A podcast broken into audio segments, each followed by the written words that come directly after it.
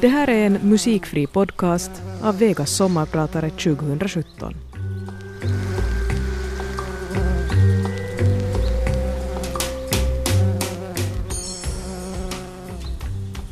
När man är alldeles uppslukad av någonting så där innerligen intresserad att man vacklar på gränsen till ett maniskt nördskap. Då drivs man framåt av en jaktlusta. Man jagar svultet efter det ultimata fyndet, trofén, upplevelsen som ska smälta in på en alldeles särskild plats i hjärtat. Som vinkännare, kock och smakentreprenör är jag ständigt på jakt efter nya smakskådespel. En morgon, för snart sju år sedan, blev jag serverad världens äldsta champagne i min egen pensionatsträdgård på lilla Åland. En champagne som mörker vilat i ett skeppsvrak i nära på 200 år. Den där klunken under hängalmen i min trädgård blev upptakten till en händelserik kedja med många glödheta länkar. Jag heter Ella Grystner Cromwell Morgan och nu drar vi iväg på min smakresa kryddad med musik, möten och en och annan skuren sås. Ja, vi får tyvärr meddela att herr Gryssner fortfarande är ensam tupp på dynghögen. Så sa förlossningssköterskan till min far i telefon när jag föddes som flicka nummer tre i familjen. Jag hade tillplattad näsa, inget hår och jag var nästan helt blind. Dessutom blev jag den tredje dottern i familjen som skulle dras med den genetiska muskelsjukdomen limbgirdle genom livet. Mina första år var jag som fastfrusen i mammas famn. Eftersom jag inte såg någonting, fast ingen visste det då, var jag oroväckande ointresserad av bilder, böcker, tv-program och andra människor. Jag var klumpig, trilla i trappor, snubbla på mattkanter och gick in i möbler så ofta att jag ständigt var prydd med blaffiga blåmärken. Jag tyckte inte heller så mycket om att prata.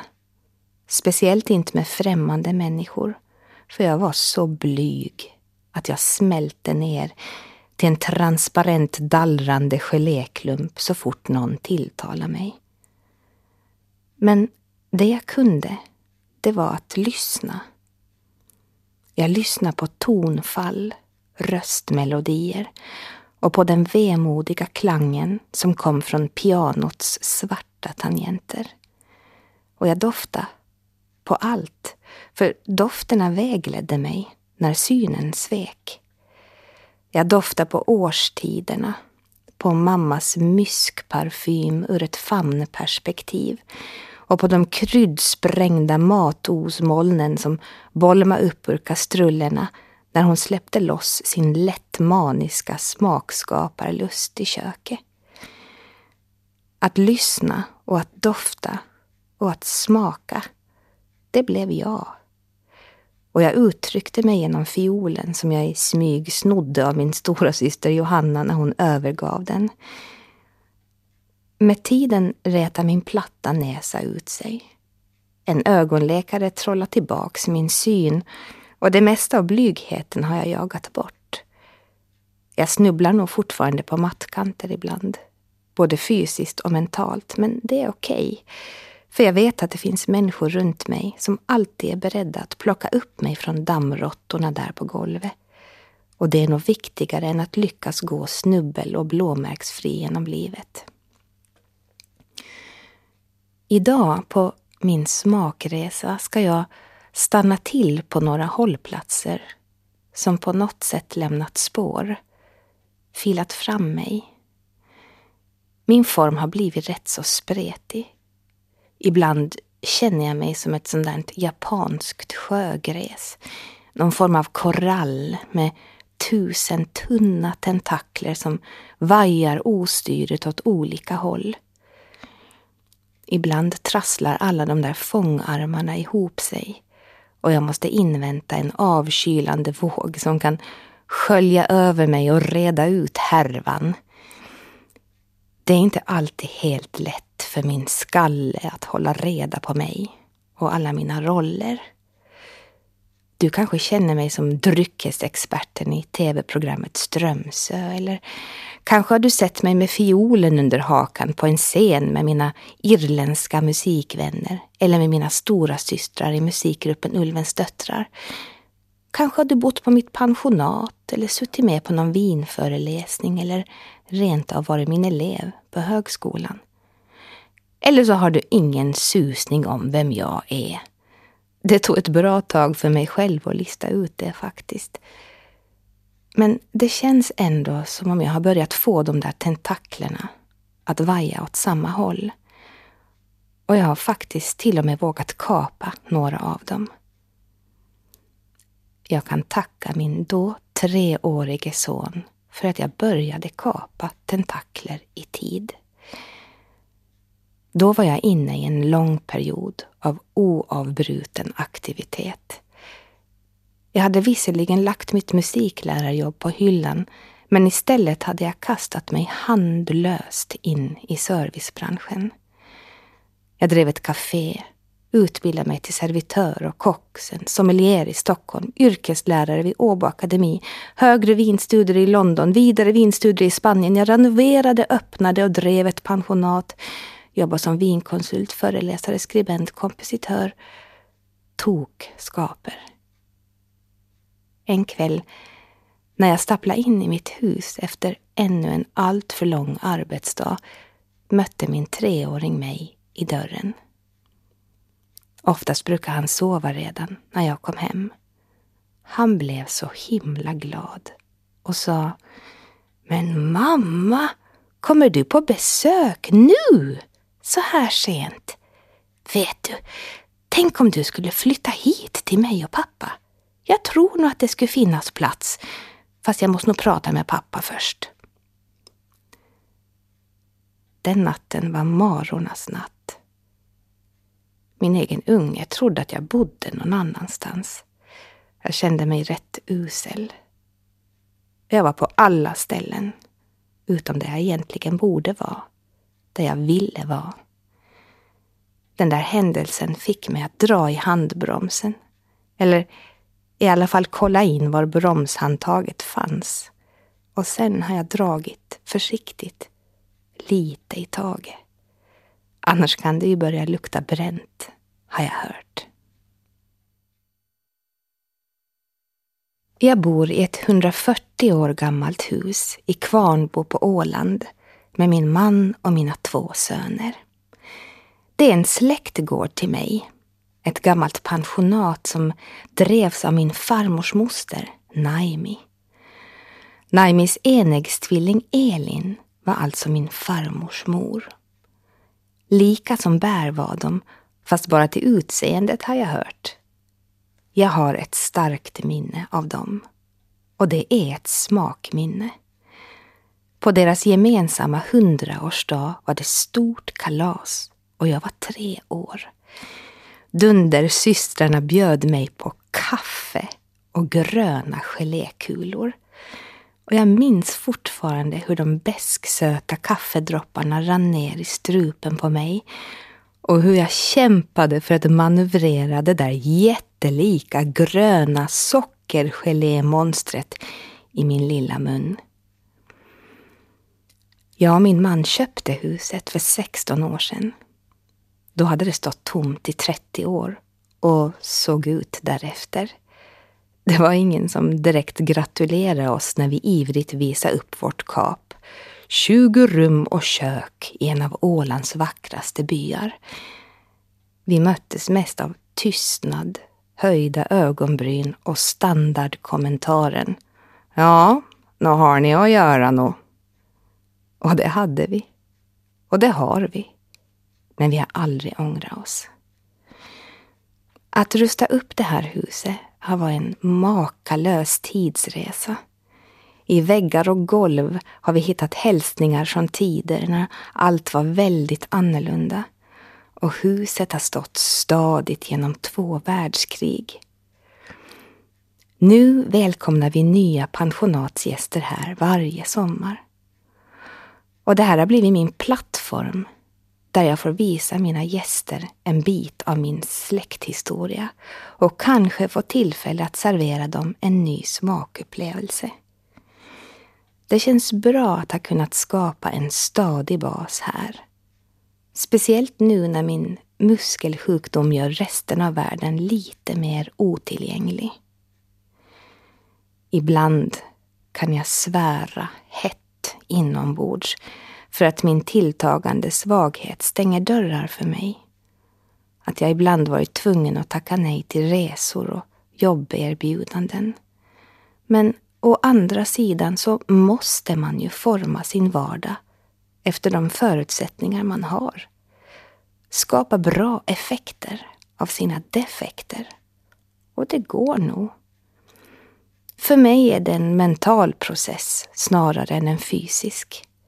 Jag reser jorden runt varje sommar genom mina gäster. Det sägs att det spökar i huset. Själv är jag urtrist oemottaglig för sådana tecken men några av våra pensionatsgäster säger sig ha mött en stilig herre i långrock och hatt på natten.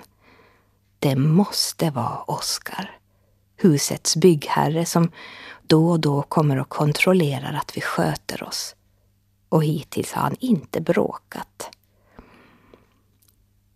I bagarstugan ute på gården växte min pappa upp med sin mor och sina tre syskon. De flydde från krigets Berlin och flyttade först in i min farmors mors pensionat Solkulla som ligger bara ett stenkast från oss.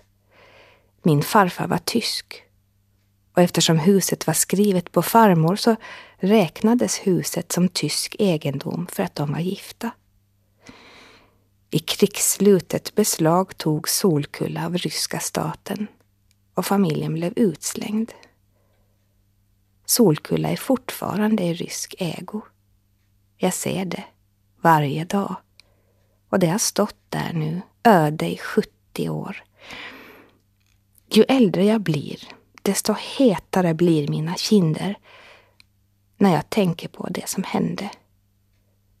Så länge jag kan minnas har han, min modiga och handlingskraftiga far, kämpat för att få tillbaks huset. Men det har inte lyckats. Än. För skam den som ger sig. På gott och ont finns det en egenskap som genomsyrar vår släkt. Envishet. Jag heter Ella Grysner Cromwell Morgan och brukar kalla mig för smakentreprenör ibland. Jag nämnde i inledningen om en samlarnörds ständiga jakt efter det ultimata fyndet, eller upplevelsen. Och man kan väl säga att jag samlar på dofter och smaker. Jag har märkt att många idag har blivit experter på att försumma sinnen utan att veta om det. Speciellt doftsinnet. Det finns där, men vi ginar liksom förbi det och lägger all tyngd på smaksinnet. Och oj, vad vi missar. Men doftsinne går att träna upp. Jag tycker att du ska börja. Idag. Att doftgymma. Börja dofta på allt du har runt dig. Dofta på frukterna när du handlar, på drycken innan du dricker den, på kryddorna innan du kryddar. Dofta på stämningen i ett rum. Dofta på sånt som du inte ens tänker på att ha en doft. En av mina favoritdofter är rotänden på en purjolök. Efter ett tag så doftar du automatiskt på allt i din omgivning. Du oljar liksom in banan mellan näsan och hjärnan och allt får en ny dimension. Jag lovar dig. På tal om dimensioner och upplevelser skummar mina tankar iväg lite nu och då till den där heta morgonen i juli för sju år sedan när något osannolikt hände i min trädgård. Det var en morgon som för oss gästhemsföreståndare i normala fall består av frukostbestyr för en sal fylld av pensionatsgäster. Vi kokar kaffe, ställer fram mera Ålandspannkaka och berättar om kakelugnarna, bokhyllorna och den ofantligt breda golvplankan i salen. Men den här morgonen utspelar sig också en annan historia. En sån som ofta händer någon annan. Jag blev serverad en av världens äldsta champagner i min egen trädgård. Hela den sekvensen från att dykare Ekström ringer tidigt på morgonen och undrar om jag kan hjälpa honom analysera någon gammal vätska från ett skeppsvrak till att han glider in på vår gård och häller upp drycken i glasen på bordet vid den nyplanterade hängalmen kommer alltid att vara knivskarp. Medan morgonrutinerna rullar på inne i huset satt jag där i trädgården och stirrade på flaskan och innehållet i glaset. De maskrosgula dropparna lyste upp hela innergården. Och det jag trodde skulle lukta dy, fiskkadaver och unket havsvatten doftade istället makalöst av gula russin, tobak, läder, sötsyrliga citrusfrukter och äppelmust. Det var sött som ett kärleksfullt hembryggt honungsmjöd, syrligt som en fransk ekfatslagrad cider.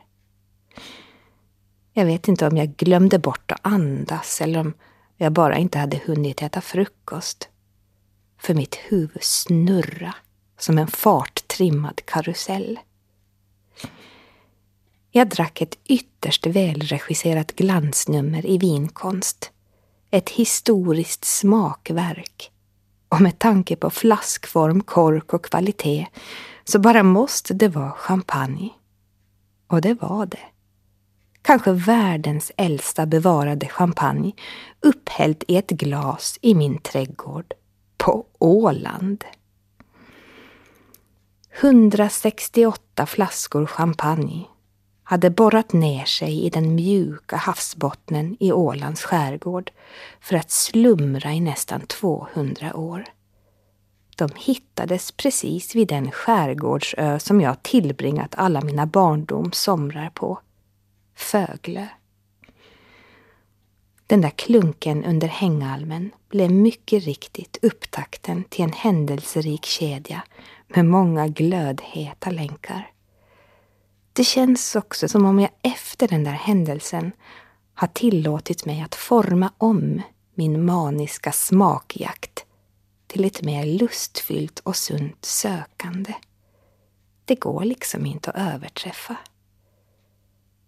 Samma höst, redan innan allt det här hände, hade vi planerat in en resa till Champagne. Man kan lugnt säga att den resan fick en pikant extra kryddning.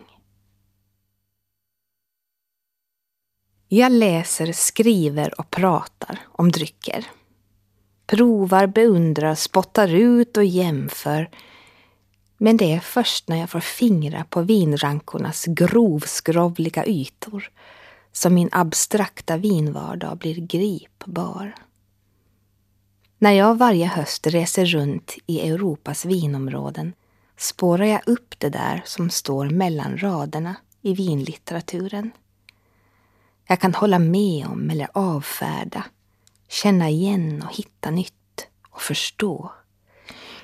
Jag får skaka vinböndernas nävar med sorgkantsnaglar och lyssna till de där små, underbart oviktiga berättelserna jag ser sammanhangen när jag får kliva ner i svala mörka vinkällare och prova nyfödda kärvsura viner direkt från ekfaten och lyssna till vinmakarnas lyriska spådomar om vinets framtid. Det spelar ingen roll om jag håller med dem eller inte. Det håller jag för mig själv. Det viktiga är att jag fått lyssna till vinkonstnären och smaka på hans vision lyssna, dofta, smaka. mina tre ständigt återkommande navigeringsverb.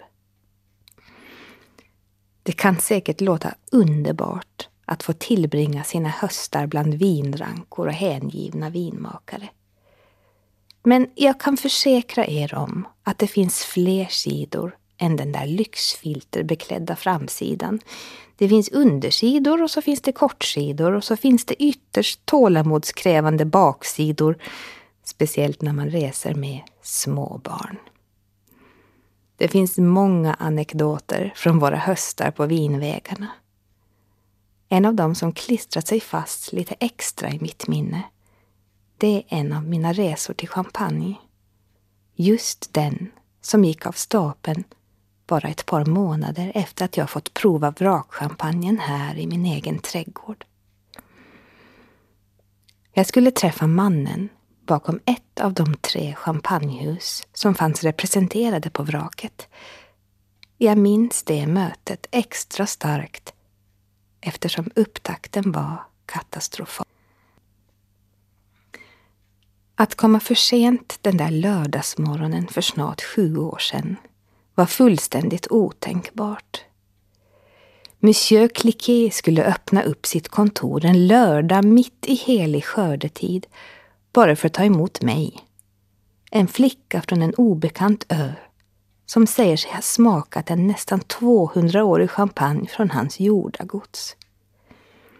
Jag undrar hur han skulle reagera när den där obekanta flickan från den obekanta ön som druckit champagne från ett obekant vrak dessutom släpat med sig sin obekanta familj bestående av ett långhårigt bikerskäggrede, en ordsprutande fyraåring och en fyra månaders baby med mistlursförmågor.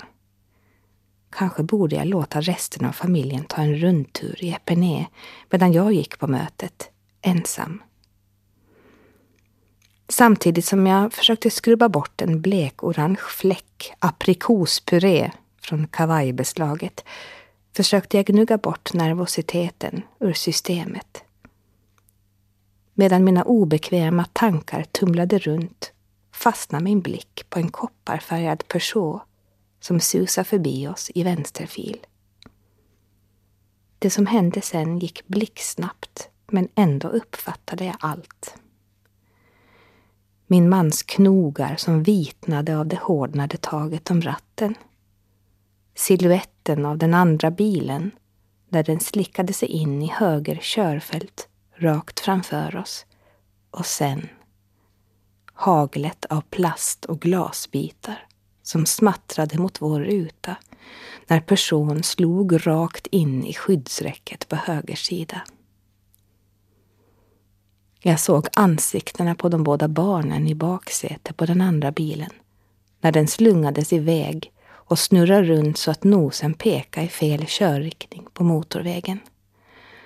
Jag såg mannens gapande mun och kvinnans handflator tryckta mot sidofönstret. Hade inte olycksbilen kastats tillbaks i vänsterfil så hade vi krockat rakt in i den i 130 kilometer i timmen. Vi hade ingen möjlighet att stanna men såg i backspegeln att en annan bil gjorde det. Ingen av oss sa någonting på en evighet. Men adrenalinet i våra kroppar gjorde oss så varma att våra pekfingrar krockade på luftkonditioneringsknappen. Då började vi prata. Prata, prata, prata, prata, prata om allt annat än champagne och nerfläckade kavajer. Jag ändrar min lömska plan att låta resten av familjen åka på en rundtur medan jag träffar bröderna Chiquet för jag ville inte släppa familjen ur sikte. Och jag strunta i om det skulle ge ett oprofessionellt intryck. En halvtimme senare satt fyraåringen och drack saft i famnen på Jean-Hervé Chiquet inne i hans pampiga champagnekontor. Bebisen sprattlar på mattan. Vi skrattade åt att vi inte kunde peka ut Åland på den enorma dekorativa Europakarta som prydde hela hans vägg eftersom det gapade smärtsamt tomt i havet mellan Sverige och Finland. Jag berättade min sida av den osannolika champagnehistorien. Och han berättade om sin vinmakarfilosofi. Vi diskuterade och förutspådde vad vrakfyndet kunde leda till medan vi vandrade runt i vineriet. Vi hälsade på alla anställda som plötsligt hade väldigt mycket att pyssla med precis där vi skulle gå. Alla ville veta samma sak. Hur det hade smakat och om historien faktiskt var sann. Fyndet var visserligen stort för oss på Åland, men för dem var det en historisk sensation.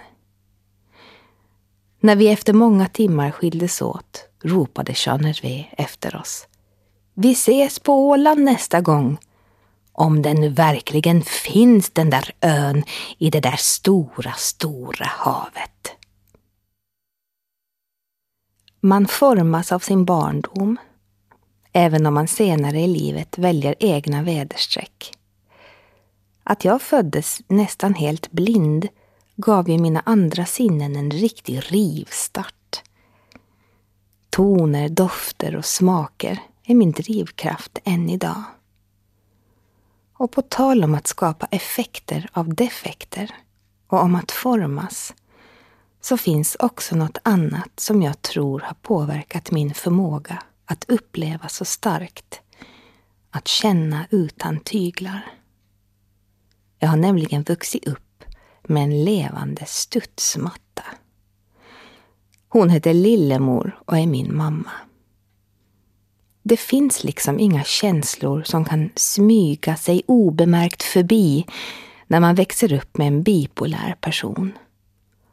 Hon tar sats i allt hon gör och när hon träffar rätt på mattan skjuts hon upp i ett glädjerus som verkligen smittar av sig.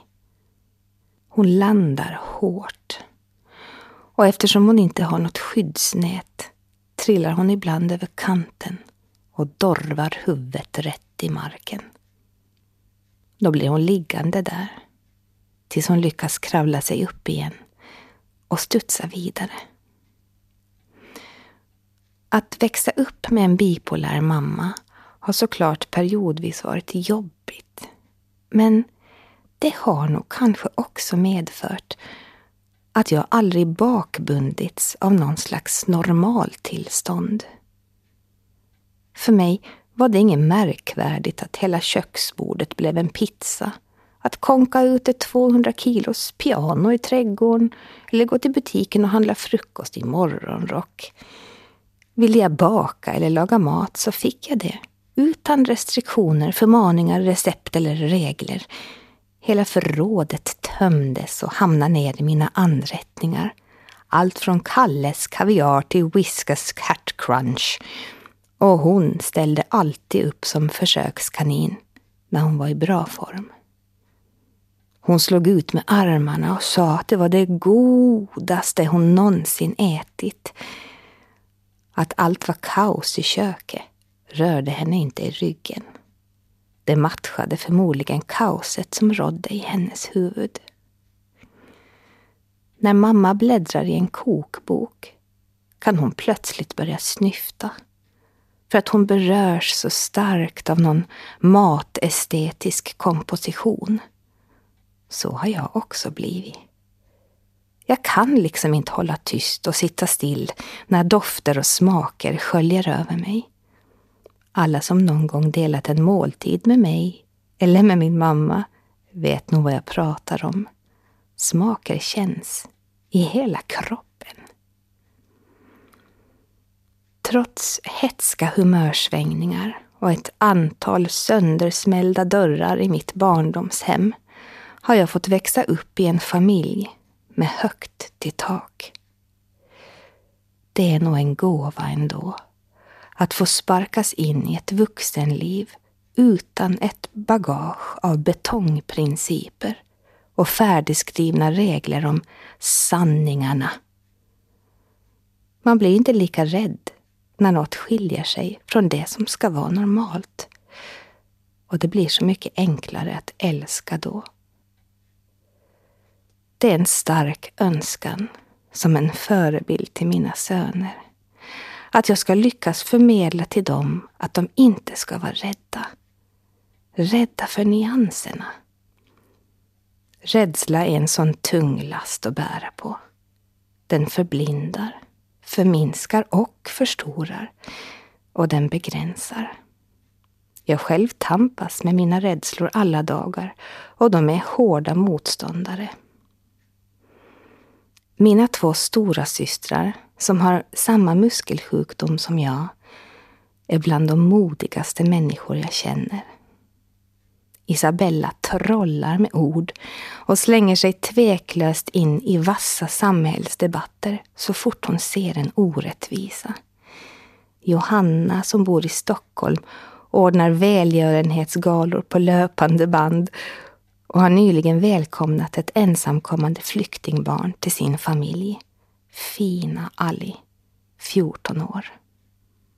När jag blir stor ska jag bli lika modig som mina systrar. I musikgruppen Ulvens döttrar möts vi som Ulvasystrarna där jag komponerar musiken, Isabella skriver texterna och Johanna arrangerar. Våra tydliga olikheter vävs in i klangmattor och blir enheter där. Men vi möts också i muskeldystrofin och där är vi bara systrar med alla olikheter kvar. Min ena syster sa en gång Tänk om en av oss inte hade fått muskelsjukdomen. Stackars henne då. Tänk vad hon skulle känna sig utanför. Och när skulle hon någonsin våga klaga på någon krämpa inför de andra två? Hörni, stappelsystrar. Vilken tur vi har! När jag var i 20-årsåldern och mina musikstudier var avklarade slängde jag på mig en ryggsäck, tog fiolen under armen och gav mig av på en ettårig resa jorden runt. Jag försörjde mig som gatu och pubmusikant och i Nya Zeeland stötte jag på en excentrisk thailändska med halva huvudet rakat. Hon hade en riktig hippiesjäl och var en fena på gitarr.